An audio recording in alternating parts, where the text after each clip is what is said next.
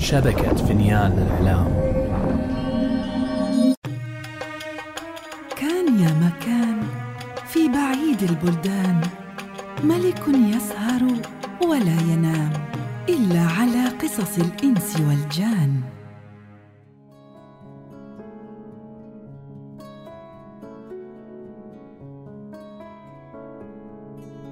وبلغني أيضا أيها الملك السعيد أن الخصيب صاحب مصر. كان له ولد يدعى إبراهيم. وحدث في يوم من الأيام أنه قد رأى في كتاب صورة امرأة تكاد أن تنطق ولم ير أحسن منها على وجه الأرض. فسلبت عقله وأذهلت لبه. فقرر إبراهيم بن الخصيب السفر باحثا عن صاحب الصورة والمرأة ولم يخبر احدا من أهل مملكته. وعندما وجد إبراهيم أبا القاسم أخبره الأخير حكايته مع صاحبة الصورة. فقال له إنها ابنة عمه جميلة وأنها زاهدة في الرجال وجبارة تبطش بكل من تسول له نفسه التقدم لخطبتها إلا أن فتى جميلا مثل إبراهيم قد يستطيع أن يوقعها في شباك غرامه. فعرض عليه أبو القاسم أن يساعده في الوصول إليها.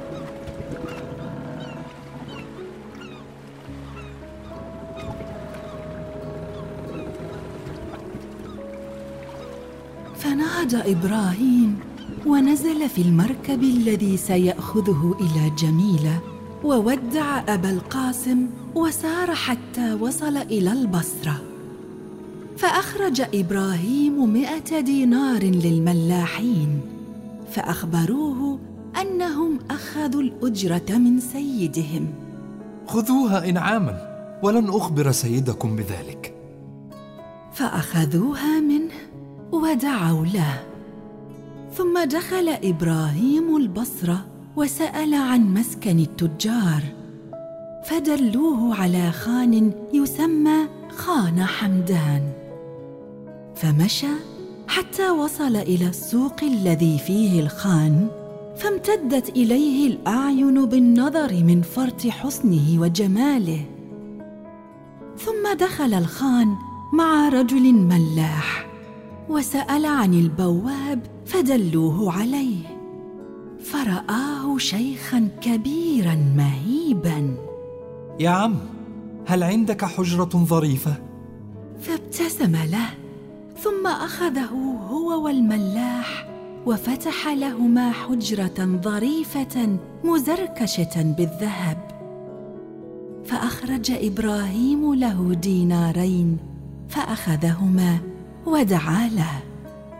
وأمر إبراهيم الملاح بالعودة إلى المركب. ثم دخل الحجرة فبقي عنده بواب الخان وخدمه. يا سيدي حصل لنا بك السرور. خذ هذا الدينار وهات لنا به خبزا ولحما وحلوى وشرابا. فأخذه وذهب به إلى السوق. ورجع إليه وقد اشترى ذلك بعشرة دراهم وأعطاه الباقي. اصرفه على نفسك. ففرح البواب بذلك فرحا عظيما. ثم إن إبراهيم أكل مما طلبه قرصا واحدا بقليل من الإدام. فنادى على البواب وقال له خذ خذ هذا إلى أهل منزلك. فأخذه وذهب به إلى أهل منزله. ما أظن أن أحدا على وجه الأرض أكرم من إبراهيم الذي سكن عندنا في هذا اليوم ولا أحلى منه.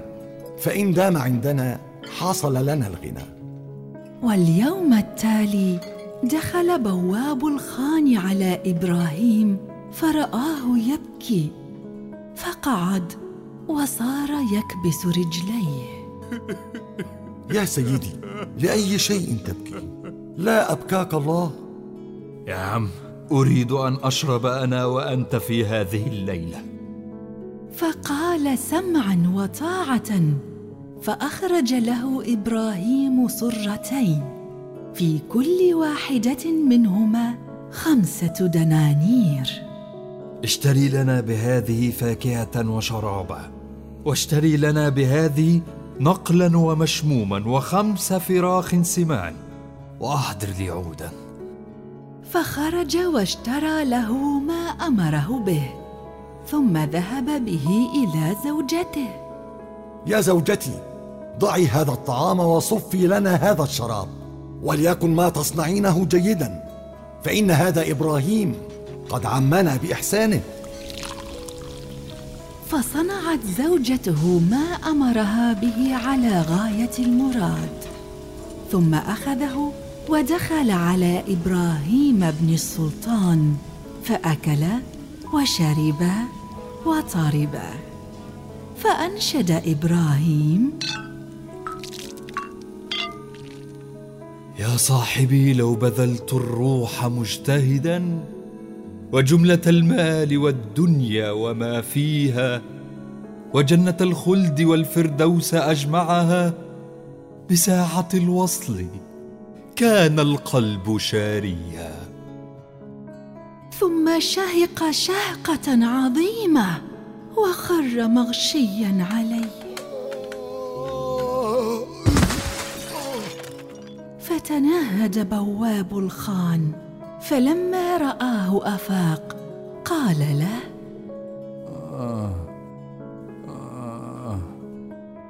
يا سيدي ما يبكيك؟ ومن هي التي تريدها بهذا الشعر؟ فإنها لا تكون إلا ترابا لأقدامك. فقام إبراهيم وأخرج بقجة من أحسن ملابس النساء. خذ هذه إلى حريمك. فأخذها منه ودفعها إلى زوجته فأتت معه ودخلت على إبراهيم فإذا على وجهه ملامح الحزن. فتت أكبادنا فعرفنا بأي مليحة تريدها. يا سيدتي اعلمي أني أنا ابن الخصيب صاحب مصر وإني متعلق بجميلة بنت أبي الليث. الله الله يا ولدي اترك هذا الكلام لئلا يسمع بنا أحد فنهلك. فإنه ما على وجه الأرض أجبر منها. ولا يقدر أحد أن يذكر لها اسم رجل لأنها زاهدة في الرجال يا ولدي. أعدل عنها لغيرها. عليك بمساعدته فهو قد أنعم علينا. ما لي سوى روحي. فأنا أخاطر بها في هواك وأدبر لك امرا فيه بلوغ مرادك. فلما أصبح الصباح دخل إبراهيم الحمام ولبس حلة من ملبوس الملوك. وإذا بواب الخان هو وزوجته قدما عليه. يا سيدي اعلم أن هنا رجلا خياطا احدب وهو خياط السيدة جميلة. فاذهب إليه وأخبره بحالك. فعساه بذلك على ما فيه وصولك إلى أغراضك. فقام إبراهيم وقصد دكان الخياط الأحدب فدخل عليه. فوجد عنده عشرة فتيان كأنهم الأقمار.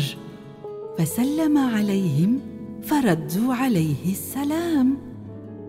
وفرحوا به وأجلسوه وتحيروا في محاسنه وجماله.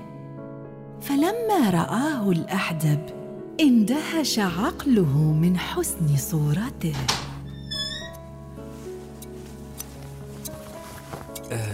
أريد أن تقيت لي جيبي.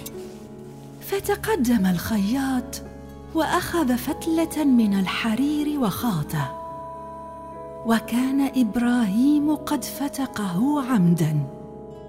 فلما خاطه أخرج له إبراهيم خمسة دنانير أعطاها له وانصرف إلى حجرته. ها؟ أي شيء عملته لهذا الفتى حتى أعطاني الخمسة دنانير؟ ثم بات الخياط ليلته يفكر في حسنه وكرمه. فلما أصبح الصباح ذهب إبراهيم إلى دكان الخياط الأحدب مجددا. ثم دخل وسلم عليه فرد عليه السلام وأكرمه ورحب به. يا عم خيط لي جيبي. فإنه فتق ثانيا. على الرأس والعين يا ولدي. ثم تقدم وخاطه فدفع له عشرة دنانير فأخذها وصار متعجبا من حسنه وكرمه. والله يا بني إن فعلك لا بد له من سبب وما هذا خبر خياطة جيب؟ ولكن أخبرني عن حقيقة أمرك. يا عم ما هذا محل الكلام؟ فإن حديثي عجيب وأمري غريب. إذا كان الأمر كذلك فقم بنا. ثم نهض الخياط وأخذه بيده ودخل معه حجرة في داخل الدكان. ها ها يا ولدي حدثني ماذا تريد؟ فحدثه بأمره من أوله إلى آخره. فعجب من كلامه. يا ولدي اتق الله في نفسك. فإن التي ذكرتها جبارة زاهدة في الرجال. فاحفظ يا ولدي لسانك وإلا فإنك تهلك نفسك.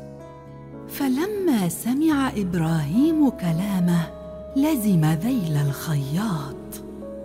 أجرني يا عم فإني هالك وقد تركت ملكي وملك أبي وجدي وصرت في البلاد غريبا وحيدا ولا صبر لي عنها. فلما رأى الخياط ما حل به رحمه. يا ولدي ما عندي إلا نفسي فأنا أخاطر بها في هواك. فإنك قد جرجرت قلبي ولكن في الغد أدبر لك امرا ليطيب به قلبك. فدعا له وانصرف إلى الخان. ولما أصبح الصباح لبس إبراهيم أفخر ثيابه وأخذ كيسا فيه دنانير وأتى إلى الأحدب فسلم وجلس. قم في هذه الساعة وخذ ثلاث فراخ سمان وثلاث أوراق من السكر النبات وكوزين لطيفين واملأهما شرابا وخذ قدحا وضع ذلك في كارة ثم انزل بعد صلاة الصبح في زورق مع ملاح وقل إنك تريد أن تذهب تحت البصرة فإن قال لك إنه لا يقدر أن يتجاوز أكثر من فرسخ فرغبه بالمال حتى يوصلك. إذا وصلت فأول بستان تراه فإنه بستان السيدة جميلة. فإذا رأيته فاذهب إلى بابه ترى درجتين عاليتين. عليهما فرش من الديباج وجالس عليهما رجل أحدب مثلي.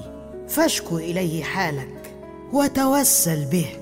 فعساه أن يرثي لحالك ويوصلك إلى أن تنظرها ولو نظرة من بعيد. وما بيدي حيلة غير هذا. وأما إذا لم يرثي لحالك فقد هلكت أنا وأنت. هذا ما عندي من الرأي. والأمر إلى الله تعالى. فقام إبراهيم من عند الخياط الأحدب وذهب إلى حجرته وأخذ ما أمره به في كارة لطيفة. ثم إنه لما أصبح جاء إلى شاطئ الدجلة وإذا هو برجل ملاح نائم فأيقظه وأعطاه عشرة دنانير. تحركوا! خذني إلى تحت البصرة. يا سيدي بشرط.